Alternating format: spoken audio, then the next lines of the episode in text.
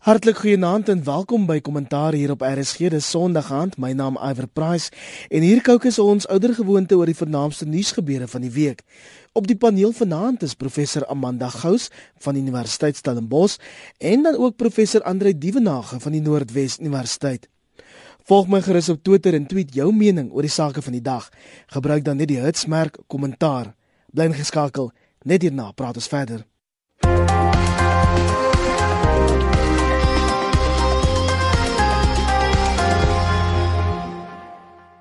Kollegas protesoptrede duur voort in Burundi teen die voorneme van die land se president Pierre Nkurunziza om homself vir 'n derde termyn verkiesbaar te stel. Die president het na die hoofstad Bujumbura teruggekeer nadat 'n voormalige intelligensiehoof probeer het om 'n staatsgreep uit te voer. En Amanda se mens daarom probeer om 'n staatsgreep uit te voer, beter jy seker wees dat dit gaan werk. Ja, mense sou dink dat die weermag meer georganiseerd sou gewees het. Nou is daar van hulle wat op vlug geslaan het, ander is nou uh, gevang en hulle gaan verhoor word en uh, daar's relatief baie geweld aan die gang. Ek dink wat my bekommer is die feit dat dit uh jy weet daar is is ook 'n geskiedenis hier tussen die Hutus en die Tutsis uh wat uh ons weet dat dit die groepe is wat wat uh die hele saak uh, die geweld begin het uh in Rwanda. Ek meen dit was die geweld uh, teen die uh Tutsis dink ek wat wat gelei het tot die uh volksmoord. So dit is 'n baie ernstige saak en um, dit het die die uh vermoë om daai hele uh streek uh, te destabiliseer. Dit dit sluit omtrent ag lande in uh Uganda, Kenia, uh die Demokratiese Republiek van die Kongo en so aan. Um en so so 'n mens moet dit baie ernstig opneem. En wat daar nou is byvoorbeeld versoeke dat uh die Afrika Unie moet intree en en hom uh in Kurziza moet dwing om nie weer te staan vir 'n derde termyn nie. Daar's ander mense wat vra dat die Verenigde Nasies alle Afrika leiers ehm uh, moet verhoed om meer as twee termyne te dien. Nou ek dink dit is problematies want jy kan nie reëls maak vir Afrika leiers, maar jy maak dit nie vir ander wêreldleiers nie weet as ons begin praat van daai om op daai vlak reëls maak, ehm um, dan dan is dit hoogs problematies dat jy Afrika uitsonder. Maar hier is nou weer 'n voorbeeld van 'n politieke leier wat uh nie bereid is om by die reëls te hou nie, wat besluit hy gaan vasklou aan mag en dit is die gevolg geweld en die destabilisasie van 'n hele uh, streek in Afrika. Intussen sê president Nkurunziza nee wat alles is nou weer rustig daar in die land. Ons het vrede op aarde, maar ons korrespondent berig dat streng veiligheid in die hoofstad heers en aandry dat alle privaat radiostasies selfs gesluit is. Alhoewel dis duidelik die die omgewing is glad nie stabiel nie. Ek wil twee kontekste hier toelig om dit wat jy nou daar gesê het verder te motiveer. Die eerste is die historiese konteks. Ons weet daar is 'n historiese geveg tussen die Hutus en die Tutsis wat oor eeue heen strek. En in die 90er jare het dit in Rwanda uitgespeel tot die dood van net onder 'n miljoen mense van die syfers is 800 000, party sê dit is selfs meer. En nou weet ons Burundi en Rwanda se etniese samestelling is baie dieselfde. Dit is meer as 80% Hutus en dan so 15% uh, Tutsis. Maar die Tutsis was histories die groep wat beheer geneem het. En toe is daar nou gegeewe al hierdie konflikte in daai streek is daar 'n grondwet tot stand gebring in terme van rekonsiliasie en die probleem is dat die president Nkurunziza eh, letterlik die twee termyne wat hy kan aangaan nou verder wil verleng. En dit het onstabiliteit gebring en op grond van die onstabiliteit het ons nou 'n situasie waar die weermag begin betrokke raak, 'n tipe van praetoriaanse politiek en my indruk is dat daai saak glad nie stabiel is nie. Ek dink Amanda is reg, dit het 'n groot potensiaal om daai hele streek te destabiliseer. Ons weet die geskiedenis van daai konflikte wys dat daar met tye 8, 9 state by betrokke is. So ek dink nie die saak is opgelos nie. Ek verwag groter druk van die Afrika Unie op Burundi en op die president van Burundi op die stadium. So glad nie stabiel nie.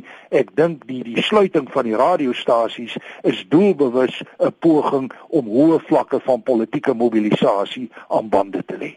En ons weet dat duisende Burundiese op die oomblik uit die land vlug net voor daai verkiesing. Weet ons wanneer daai verkiesing is, Amanda? Die verkiesing is veronderstel om op die 26ste Junie plaas te vind. So dit is bietjie meer as 'n maand. Daar's baie duidelik gesê dat die verkiesing sal voortgaan. Sal nie uitgestel word nie en in Nkurunziza sê eenvoudig net dat hy sal nie onttrek nie. So ek stem saam met Andre dat die die sluiting van die radiostasies is om mobilisasie te vermy, maar die feit dat mense reeds aan die vlug is, wat beteken hulle word nou vlugtelinge in ander state wat waar hulle die moontlikheid om het om daai state te destabiliseer um, is is baie groot en ek dink dit sal eintlik goed wees as die Afrika Unie intree. Terug op eie bodem, president Jacob Zuma die regeringsoperasie Fiela verdedig. Die veldtog is deel van die regering se planne om misdaad te bekamp. Dit behels onder meer om seker te maak dat immigrante die nodige dokumentasie het en wettig in die land is, maar die groot vraag Andre, dit lyk al meer of dit 'n heksejag op buitelanders is in plaas van 'n veldtog teen misdadigers. Alwer ja, inderdaad uh, skep dit daardie beeld veral in die tyd waar ons nou staan post al hierdie xenofobiese tendense, al die groot uitsprake wat die president in die verband gemaak het. Nou blyk dit dat hierdie operasie baie spesifiek fokus op wat genoem word African foreign nationals. Nou uiteraard het hierdie saak twee duidelike kante. Aan die een kant van die saak uh, kan 'n mens sê dit is problematies en die syfers wys dat hier tot 8 miljoen plus onwettige immigrante in Suid-Afrika is. Iewerster moet dit bestuur en moet dit hanteer word. Iewers moet daar opgetree word omdat baie van hierdie immigrante ook gekoppel word aan misdaad, aan dwelmmiddels, aan wapen onwettige wapenbesit en so meer. Aan die ander kant het Suid-Afrika weer 'n beeld om te bestuur in Afrika ons het bepaalde skuld wat ons graag histories sal wil koppel aan 'n Afrika konteks in die sin van steun wat gelewer is tydens die stryd teen apartheid. So hier is twee kante in die saak en ek kan duidelik sien dat die immigrante ongemaklik voel aan die ander kant moet die wetlike prosesse beweeg ons is 'n land wat my aanbetref te na is aan patrone van onstabiliteit, chaos. Ons benodig orde, ons benodig stabiliteit, maar dikwels die manier hoe ons dit probeer bewerkstellig is problematies. As jy een tree teruggee en jy kyk na wat die werklike probleem hier is, dan is dit 'n kwessie van grensbeheer. Ons is bewus daarvan dat ons grensbeheer nie naaste by is wat dit moet wees nie. Ons is bewus van uitgebreide vlakke van korrupsie en nepotisme op talle vlakke. So hier is 'n klomp moeilikhede wat hier bestuur moet word wat nou manifesteer op een punt. Maar ek kan nie sien dat die regering hierdie proses maklik sal opskort nie. Miskien moet hulle kyk na die wyse om dit te hanteer en ook hulle bona fides in die verband op tafel stel. Daar's ook heelwat weerstand uit vakbondgeleedere teen operasie Viela.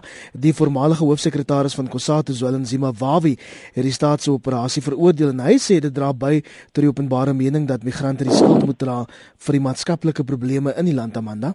Die manier waarop hulle nou die xenofobiese geweld aanspreek is nie deur te kyk na wat Suid-Afrikaners doen nie, maar is om klopjagte uitgevoer op die buitelanders.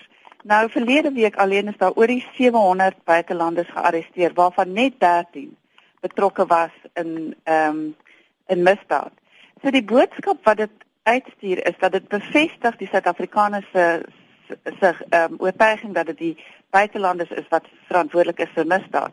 Want jy jy kriminaliseer nou almal, die wat wat nie papiere het nie en die wat werklik by misdaad betrokke is. So die twee prosesse moet eintlik geskei word. Daar moet 'n proses wees om met om misdaad te hanteer maar daar moet ook 'n proses wees om te sê, okay, hier's mense wat nie die nodige dokumente het nie. Hoe gaan ons hulle help om die dokumente te kry? Maar om almal nou te kriminaliseer, vererger die Suid-Afrikaners se se weerstand uh, teen die uh, buitelanders en dit dra by tot xenofobiese geweld. So dis eintlik wat nou gebeur is baie kontraproduktief. Ehm um, en jy weet ek ek stem saam met die vakbonde dat dit hoogs problematies is want as ons gaan kyk na wat uh, uh, Mugabe in Zimbabwe gedoen het met uh, operasie Murambatsvina is uh, dit het beteken uh, operation cleanup in so is duisende mense verplaas en teruggejaag na die uh, landelike gebiede toe en so aan en dit het die die indruk geskep dat arme mense ehm um, vuil goed is uh, dit is uh, dit is so mense in 'n in 'n vuilgoedblik te gooi En nou het ons dieselfde situasie hier. Mense word operasie vir beteken eintlik maak skoon. So gooi die vuilgoed in die vuilgoedblik en om om mense um, op daardie manier te behandel bevestig al die negatiewe goed wat die Suid-Afrikaners weet van hulle glo. En een van die mees ontstellende voorvalle hierdie week vir my is gesinne omtrent 400 mense in die middel van die nag gearresteer en met onmiddellike deportasie gedreig en 'n hof moes toe deur 'n interdik daar ingryp aandry. Kom ons praat oor die pad vorentoe. Uh Iwer, ek dink Amanda is heeltemal reg. Hier word uh vir die saak word baie baie swak bestuur en dit herinner mense in opsigte aan die tipe aktiwiteite wat geassosieer is met die ou apartheidsbedeling en dis duidelik dat die regering nie hier goed beplan nie. Ek stem met Amanda saam dat ons misdaad duidelik moet onderskei van uh buitelanders en wat hulle doen in Suid-Afrika. Dis nie noodwendig twee gelyklopende prosesse nie. Dat ons hier met 'n reuse probleem sit is inderdaad so. Dit is 'n probleem wat uh, oor jare opgebou het soos ons genoem het die syfer van hier 8 8.5 miljoen onwettige immigrante in Suid-Afrika is inderdaad problematies. Ons weet dat hierdie groeperinge al hoe sterker deel word van die Suid-Afrikaanse ekonomie en ook van die werkerskorps in Suid-Afrika soms op 'n onwettige wyse. So hier is probleme op talle vlakke, maar die wyse hoe die regering dit hanteer en bestuur is werklik problematies. Ek dink dit raak Suid-Afrika se beeld na buite toe baie negatief, veral as mens begin inwerk op families en gesinne, soos jy sopas genoem het, dan is jy nie meer op dit wat ons kan noem die moreel hoë grond nie en ek dink nie die Zuma regering in die algemeen ook wat xenofobie en verwante tendense betref is op die moreel hoë grond nie en ek dink hulle is besig om hulle beeld verder skade te doen in die wyse hoe hierdie projek uitgevoer word en die implikasies hiervan. As jy dalk laatbens ingeskakel het, jy luister na kommentaar op RSG. Hier bespreek ons die vernaamste nuusgebeure van die week en volgende: Die ANC sê geen besluit is geneem om Eskom te privatiseer nie.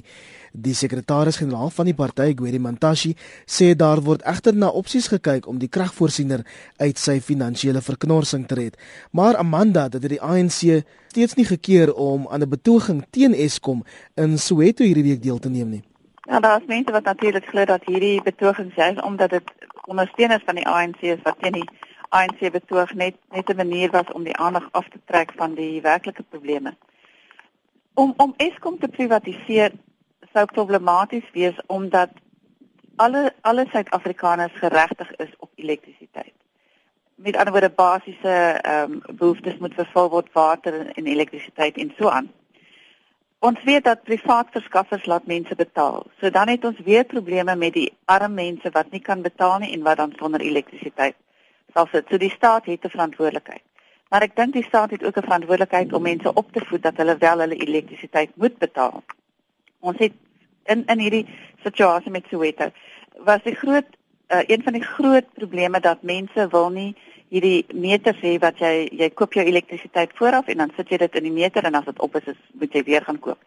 Hulle sê hulle wil 'n flat rate hê. Hulle wil uh, uh en dit wil hulle een keer 'n maand betaal. Nou, jy weet, ek dink dit is 'n dis 'n baie 'n groot misverstand van hoe werk kragvoorsiening en wat ons as burgers se plig is um, as ons krag kry en en dat ons dit moet betaal. So die ANC doen nie die nodige opvoedingswerk nie. Ehm um, en en ek dink uh, as ons wel sekere dele van Eskom vir die sekere ehm um, sektore privatiseer, sal dit miskien meer ehm um, effektief wees en en en eh uh, bydra om die kragvoorsienings eh uh, te verbeter. Maar die probleem is dat uh, ons sal nie die hele Eskom kan privatiseer nie. Ironies genoeg het die regering hierdie week die mense van Soweto om verskoning gevra omdat hulle op een dag 10 ure lank sonder krag was en ook onderneem om miljoene rande se agterstallige elektrisiteit of kragrekenings af te skryf, Andre. Iwer, weet jy, ek het na die protes gekyk en ek het vir myself die vraag afgevra, wat is hier aan die gebeur? Is die ANC as party besig om te mobiliseer teen teen homself op 'n manier want ons moet onthou dat Eskom word bestuur deur kom ons noem dit nou maar politieke kaders, mense met sterk verbintenisse tot die ANC, tot die regering van die dag. Waaroor gaan dit hier presies? En my kyk daarop is dat dit 'n baie opportunistiese protes was om eintlik maar die aandag weg te stuur soos Amanda ook tereg sê van die problematieke rondom Eskom. Nou as ons kom by die antwoord daarvan, is vir my baie duidelik dat Eskom nie binne die staatsverband of regeringsverband as jy dit nou so wil stel bestuur kan word uitsluitlik op hierdie stadium. Nie. Ek dink nie hulle het die antwoorde nie. Ek dink nie hulle het die kapasiteit nie. As ons kyk na die sukses van Eskom, ons moet onthou Eskom was 'n uiters suksesvolle organisasie as jy hom histories bekyk. As ons net kyk watter vlakke van uitsette Eskom gelewer het in die periode voor 94, dan wil ek een primêre rede daar identifiseer. Daar was relatief beperkte politieke inmenging en die bestuursomgewing is gehanteer deur spesialiste deur ingenieurs en so meer en hulle het die korrekte besluite geneem. Na 94 het ons 'n baie daadwerklike politieke inmenging gekry, 'n tipe benadering van 'n verdeling van die buit op 'n wyse en ek dink ons betaal 'n reuse prys daarvoor. My kyk is dat die enigste antwoord op hierdie stadium is bepaalde strategiese ooreenkomste met groot korporatiewe instellings. Ek is byvoorbeeld bewus daarvan dat Sasol as 'n maatskappy met redelike groot elektrisiteitsvoorsiening in Mosambiek besig is en ek dink hier kan ooreenkomste tussen Eskom en ander rolspelers uh, gevestig word en hierdie ooreenkomste kan bydra om die probleem wat Amanda daar hanteer elektrisiteitsvoorsiening teen bekostigbare tariewe te probeer hanteer. Maar ek dink nie Eskom op sigself gaan hier 'n antwoord bring nie. Ek dink hier sal ander rolspelers betrokke moet raak maar dit lei reeds tot 'n geveg tussen Kosatu aan die een kant wat sê dis totaal onaanvaarbaar en neoliberaal om te probeer privatiseer aan die ander kant die werklikheid die ekonomie moet loop ons het krag nodig om werk te skep ons sien reeds die negatiewe implikasies so in baie opsigte is die regering hier in 'n moeilike posisie maar ek sien dat ander rolspelers vorentoe waarskynlik sal moet toetree As privatisering dan nie 'n opsie is nie, wat is dan? Want Eskom het 225 miljard rand ekstra nodig om nog kragaanlegte te bou en om beerkrag te voorkom, Amanda.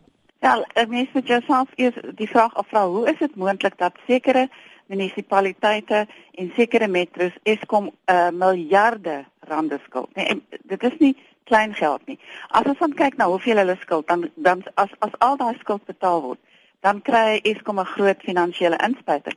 So die probleem lê ook op hoe die voorsiening bestuur word en dit is op 'n plaaslike uh, politieke vlak, jou plaaslike rade en so aan. En dit is weer eens 'n gebrek aan aan bevoegdheid om hierdie rade te bestuur. So uh, die ANC sal baie meer moet doen om kapasiteit te bou. En dan tweedens dink ek moet daar gekyk word na wat ons noem hernubare energiebronne. So windkrag, ehm um, krag uit biomassa en so aan. Daar's 'n hele klomp van hierdie projekte in die land aan die gang van hulle op kleiner skaal, party op groter skaal, maar daar behoort 'n uh, samewerking met hierdie projekte en en die uh, regering te wees om te sê ons kan nie net op steenkool ehm um, of of uh, die die diesel wat nodig is om hierdie uh, turbines te dryf. Ehm um, ons ons kan net nie meer daarvan afhanklik wees nie. So uh daar moet na ander ehm um, moontlikhede gekyk word, maar ek dink en ek dink Lynn Brown is 'n baie goeie minister en ek dink sy het die vermoë om om hierdie tipe van ander uh, moontlikhede te ondersoek. So ek ek dink net daar moet 'n politieke wil wil wees om dit te doen. Politieke wil en dan 'n bietjie vasbyt Andre. Iwer ja, die moeilikheid met die politieke wil op die oomblik is die ANC se steunbasis in talle omgewings is op die oomblik na my oordeel onder druk veral hier in jou stedelike omgewings. Ons dink aan die Nelson Mandela Metropool, ons dink aan Gauteng en in die opbou tot die 2016 verkiesing is ek bereid om te sê die ANC gaan baie moeilik ongewilde besluite neem. Die tipe goed wat Amanda daar noem is 100% reg dit moet gedoen word, maar ek is nie oortuig dat die ANC die politieke wil het om die ongewilde besluite te neem wat geneem moet word veral op plaaslike vlak kort voor die 2016 verkiesing nie. My indruk is dat die ANC eerder gaan probeer met bepaalde beloftes, hulle gaan skuld probeer verplaas want hulle is werklik onder druk in talle opsigte. Ons het die syfers gesien hoeveel proteste daar in 2014 was. Hulle praat hier van 14000 proteste waarvan tussen 2 en 3000 daarvan gewelddadig geëindig het. So die omgewing is op die oomblik baie onstabiel. Die gebrek aan elektrisiteit en elektrisiteitsvoorsiening word 'n faktor wat bydraend is tot hierdie onstabiliteit en hoe die regering dit presies gaan bestuur bly 'n oop vraag maar ek verwag nie sterk drastiese optrede om die saak op 'n gesonde bestuursvlak te bring kort voor die verkiesing nie In ander nuus, die parlement gaan appeleer teen 'n uitspraak van die Wes-Kaapse Hooggeregshof in die saak tussen die DA en die spreker Baleka Mbete. Dit volg nadat die hof beslis het dat artikel 11 van die Wet op Magte, Voorregte en Immuniteit van die Parlement strydig met die grondwet is en hierdie artikel laat toe dat LPs uit die huis verwyder word indien hulle sitting sou ontwrig. Amanda, onwese praat ons hier van daai aardige voorval die nag van die wit hemde.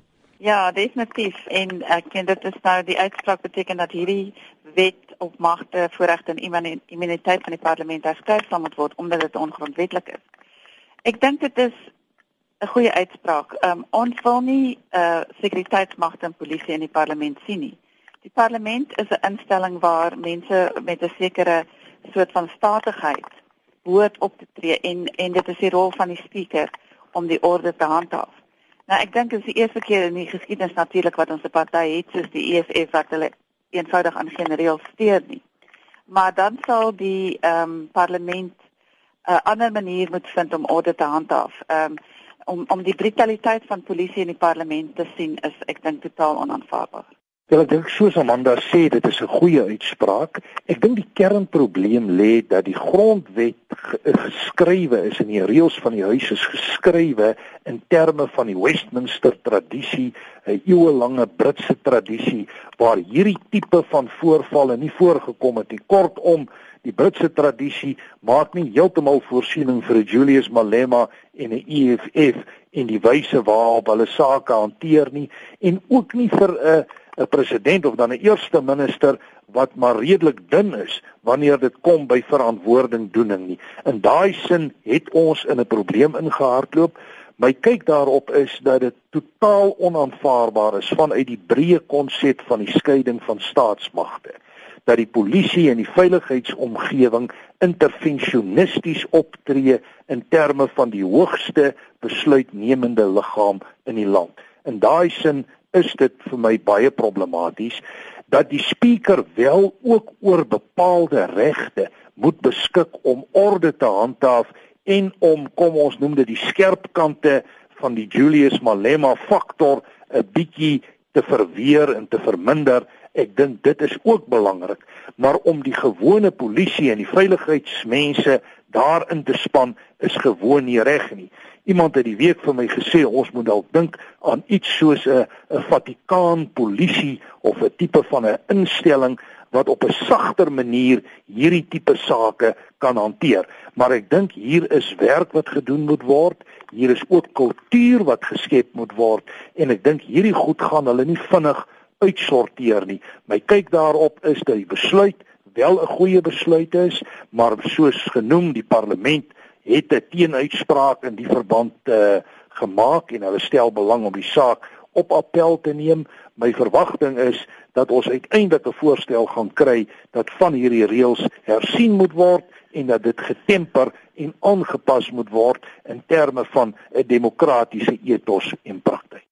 Ons beweeg nou na ander nuus en Musi Maimane het in sy eerste week as dia-leier meestal radio en TV-onderhoude toegestaan, plaaslik maar ook met internasionale nuusprogramme soos die van CNN se Christiana Amanpour wat hom tot groot ontsteltenis van baie Suid-Afrikaners as die Obama van Soweto beskryf het. Hy het ook 'n dag lank Twitter-gebruikers se vrae beantwoord deur die hitsmerk Ask Musi te gebruik, hoewel dit toe op die ou einde Amanda 'n groot lagsessie was. Ja, wel daar's mense wat sê dit was soos die die die kolomme in koerante wat die ek in die aand, jy weet, vra vra vir jou ek in die aand as jy uh jy nog ander probleme het.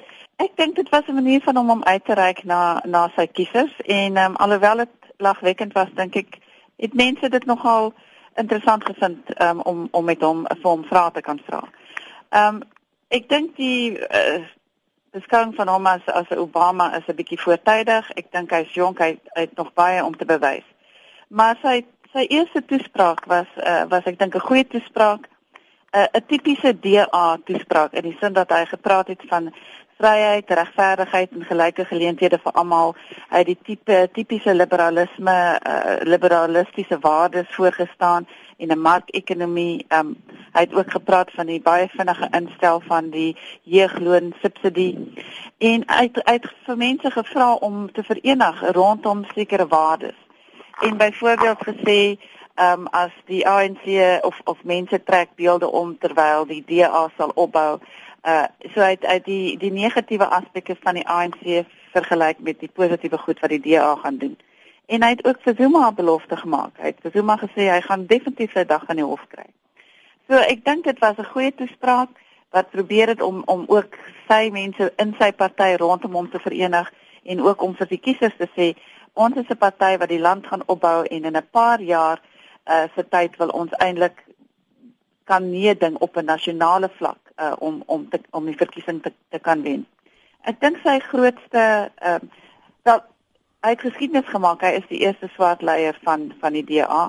Uh maar sy grootste uitdagings gaan wees is hoe hy die die behoeftes uh van die middelklas gaan versoen met die behoeftes van 'n uh, meer uh swart werkersklas. Wat ek dink daai werkersklas sien nie vir hulle self 'n plek in die DA nie. Maar dit sal baie interessant wees om sy strategie vir die 2016 verkiesing te sien.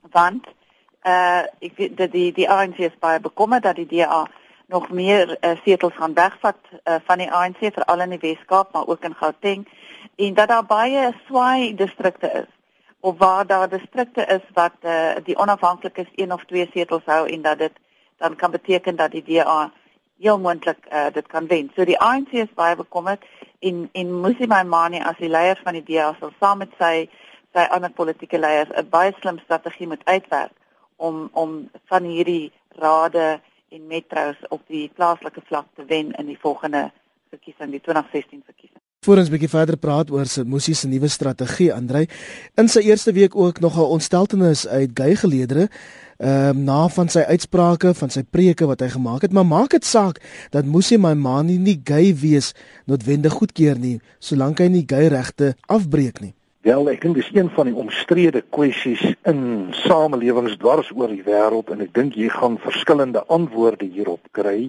Uh, my kyk breedweg polities daarop is dat dit waarskynlik nie sy steunbasisse dermate beïnvloed het nie.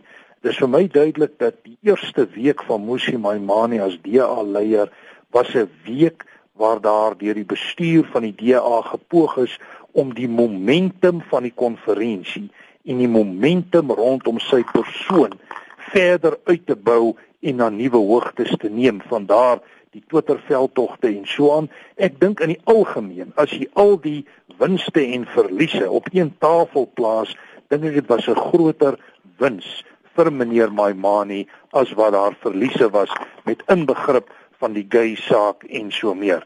Ek dink wat mens wel moet sê is en daar stem ek met Amanda saam, meneer Maimani is baie jonk. Hy's nog polities baie onervare. Dit is so dat hy 'n impak maak om hom die Obama van Soweto te noem is dalk 'n bietjie voortydig want my kyk is dat daar 'n paar groot uitdagings vir die demokratiese alliansie voor die deur lê. Een daarvan is om strategiese rigting vir die party te bepaal. Hier dink 'n mens veral aan tot watter mate is die party liberaal demokraties? Tot watter mate moet hy skuif sosiaal demokraties? Wat gaan sy tipe aanslag wees ten opsigte van die nuwe ondersteuningsbasisse wat hy graag wil ontsluit vir al jou swart steunbasisse? En dan die ander kernvraag tot watter mate kan hy die bestaande steunbasisse onder die minderheidsgroepe en veral die Afrikaners behou want daar is nou gegeewe dit wat by die Voortrekker Monumente week of wat gelede gebeur het onder leiding van solidariteit is daar bepaalde politieke momentums ook in die wit Afrikaner konteks. So dis 'n baie dinamiese omgewing om nie eens te praat aan die geveg wat hy met die EFF leierskap gaan hê oor wie is nou die werklike oppositie en wie bepaal die impak nie. So hier's 'n klomp faktore, maar ek dink hy kan in die algemeen terugkyk op 'n goeie week. So gaan die DA eenvoudig doen wat hy die beste doen of wag daar 'n paar nuwe dinge vir Musi Maimani Amanda? Wel ek dink Musi sal eers sy voete moet vind en ek dink die die grootste uitdaging nog altyd vir die DA was is die is die swart stem, hoe om die swart stem te trek. Nou in die laaste 2014 verkiesing het die DA hulle steenbasis vergroot met 2 miljoen uh kiesers. Nou dit is 'n groot 'n groot statistiek. En en moes jy saam met voortbou daarop. Ek dink die die die denke in die DA was dat as daar 'n swart leier is, dat dit meer mense sal trek. En dis nie noodwendig die geval nie. Dit is oor wat daardie leier gaan doen en hoe hy uh, hoe mense hulle self met hom kan vereensgewig of met met sy leierskap en met die met die uh, DA as 'n party. So weet dit is nie dit is nie net so eenvoudig dat dat die DA gaan swart uh, kiesers trek omdat daar 'n swart leier is nie. Daar sal spesifieke strategieë uitgewerk moet word en dit sal moet sien moet doen in samewerking met die meer ervare politieke leiers soos Ethel Trollip byvoorbeeld. Uh en en James self. Uh ek dink nie hy kan kan dit net op sy eie doen nie. Kollegas, ons het nog 'n paar minute oor hier op kommentaar. Kom ons fokus op van die interessante uitsprake rondom grondhervorming wat hierdie week gemaak is. Die leier van die Vryheidsfront Plus, Pieter Mulder, sê die geskiedenis van grondhervorming sal eendag toon dat kosbare tyd en die goedgesindheid van boere tydens die Quinty Zuma jare gemors is. En hy het by die Nampo Oesdag naby Botawil in die Vrystaat gesê, duisende hektaar produserende landbougrond is in hierdie tyd uit produksie gehaal weens mislukte grondhervormingsprojekte. Andre, ek dink jy was een van die sprekers daar. Vertel ons wat het daar gebeur. Iwer ja, inderdaad, ek was saam met uh, eh, Dr Pieter Mulder en verskeie ander uh landbouleiers uh, deel van nasie in gesprek en ek moet regtig 'n paar breë indrukke daaroor gee. Dit was hoë vlak gesprekke, dit was senior uh, rolspelers wat hier betrokke was en hulle het werklik tot die kern van die saak deurgedring. En daar het 'n paar baie interessante syfers byvoorbeeld na vore gekom. Een daarvan was dat ongeag alle omstandighede binne die groter landbouomgewing, het die pryse van landbougrond sedert 1990 bykans elke 5 jaar verdubbel. Wat eintlik vir jou sê dis 'n belegging om in landbougrond te belê. Maar daar's ook 'n groot klomp probleme geïdentifiseer en een van die kernprobleme was die totale gebrek aan rigting van die kant van die regering. Daar is soveel voorstelle op tafel, niemand weet watter kant toe nie. Daar's ook 'n probleem uh in standpunt van die kant van die minister van landbou enerzijds en dan anderzijds die minister van grondsake. Daar's ook geen behoorlike audit in Suid-Afrika van presies wie besit watter grond. Die hele kwessie van die status van die nasionale ontwikkelingsplan is dit 'n dokument wat werklik rigtinggewend is of is dit 'n dokument waaroor daar bloot debatte gevoer word en tou getrek word? Daar's ook kommer uitgespreek dat grond toenemend 'n politieke speelbal kan word en die hele kwessie van waar pas kommunale boere in die groter prentjie in. 'n Laaste punt wat my ook getref het in die debat was die groot vraag met wie moet jy onderhandel? Want uh, die minister van landbou wat vroeër daar was, het die standpunt gehuldig dat jy kan nie met die onderskeie ministers alleen praat nie. Daar moet teruggewerk word na meneer Gwedi Montash, die sekretaris-generaal van die ANC en dan spesifiek Letulihuis. In daai sin is hier 'n klomp goed wat glad nie uitgeklaar is nie. En dit lyk vir my van die kant van die regering, van die kant van die staat, is daar groot werk wat gedoen moet word om hierdie proses aan die gang te kry. Maar Dr Mulder is reg, hy uh, daar was baie goeie wil van die kant van georganiseerde landbou om deel te neem aan hierdie proses om proaktief te kyk hoe kan ook swart boere bemagtig word en hoe kan die boerderybedryf vorentoe geneem word. Ek moet sê in die algemeen het ek die gesprekke positief, konstruktief en opbouend gevind ook duidelik uit hierdie gesprekke dat die minister van landbou weer gaan moet begin om vertroue en goedgesindheid tussen die regering en die landbougemeenskap te herstel Amanda. Ja, ek dink dit is baie ehm, 'n um, hartseer dag in die geskiedenis van Suid-Afrika dat ons hier sit met 'n situasie waar daar regtig goeie wil is van die kant van die boere wat wil help en en die feit dat die die ANC spring elke keer as Julius Malema sy mond oopmaak. Met ander woorde as Julius sê kom ons nasionaliseer die grond, dan dink die ANC, "O, wat gaan ons nou doen net om Julius soort van te troef en om stil te maak?" En dan kom hulle voor 'n dag met allerlei planne wat wat werklik baie kommerwekkend is. En en die onlangse plan gaan 'n geweldige impak op voedselsekuriteit hê as dit uitgevoer moet word. As ons moet kyk na die eh uh, grondeise wat wat afgehandel is in die laaste 20 jaar, was die meeste grond was mense wat mense wou gehad het as grond om huise op te bou. Dit was nie vir landbougrond nie. So om die saak uit te maak dat weet boere se plase verklein moet word en so aan, is om nie te kyk na na die realiteite nie en en ook soos Andre gewys het, grond wat uit produksie uitgehaal is wat nou daar lê en daar gebeur niks met daardie grond nie. Mense kan nie speel met voedselsekuriteit nie.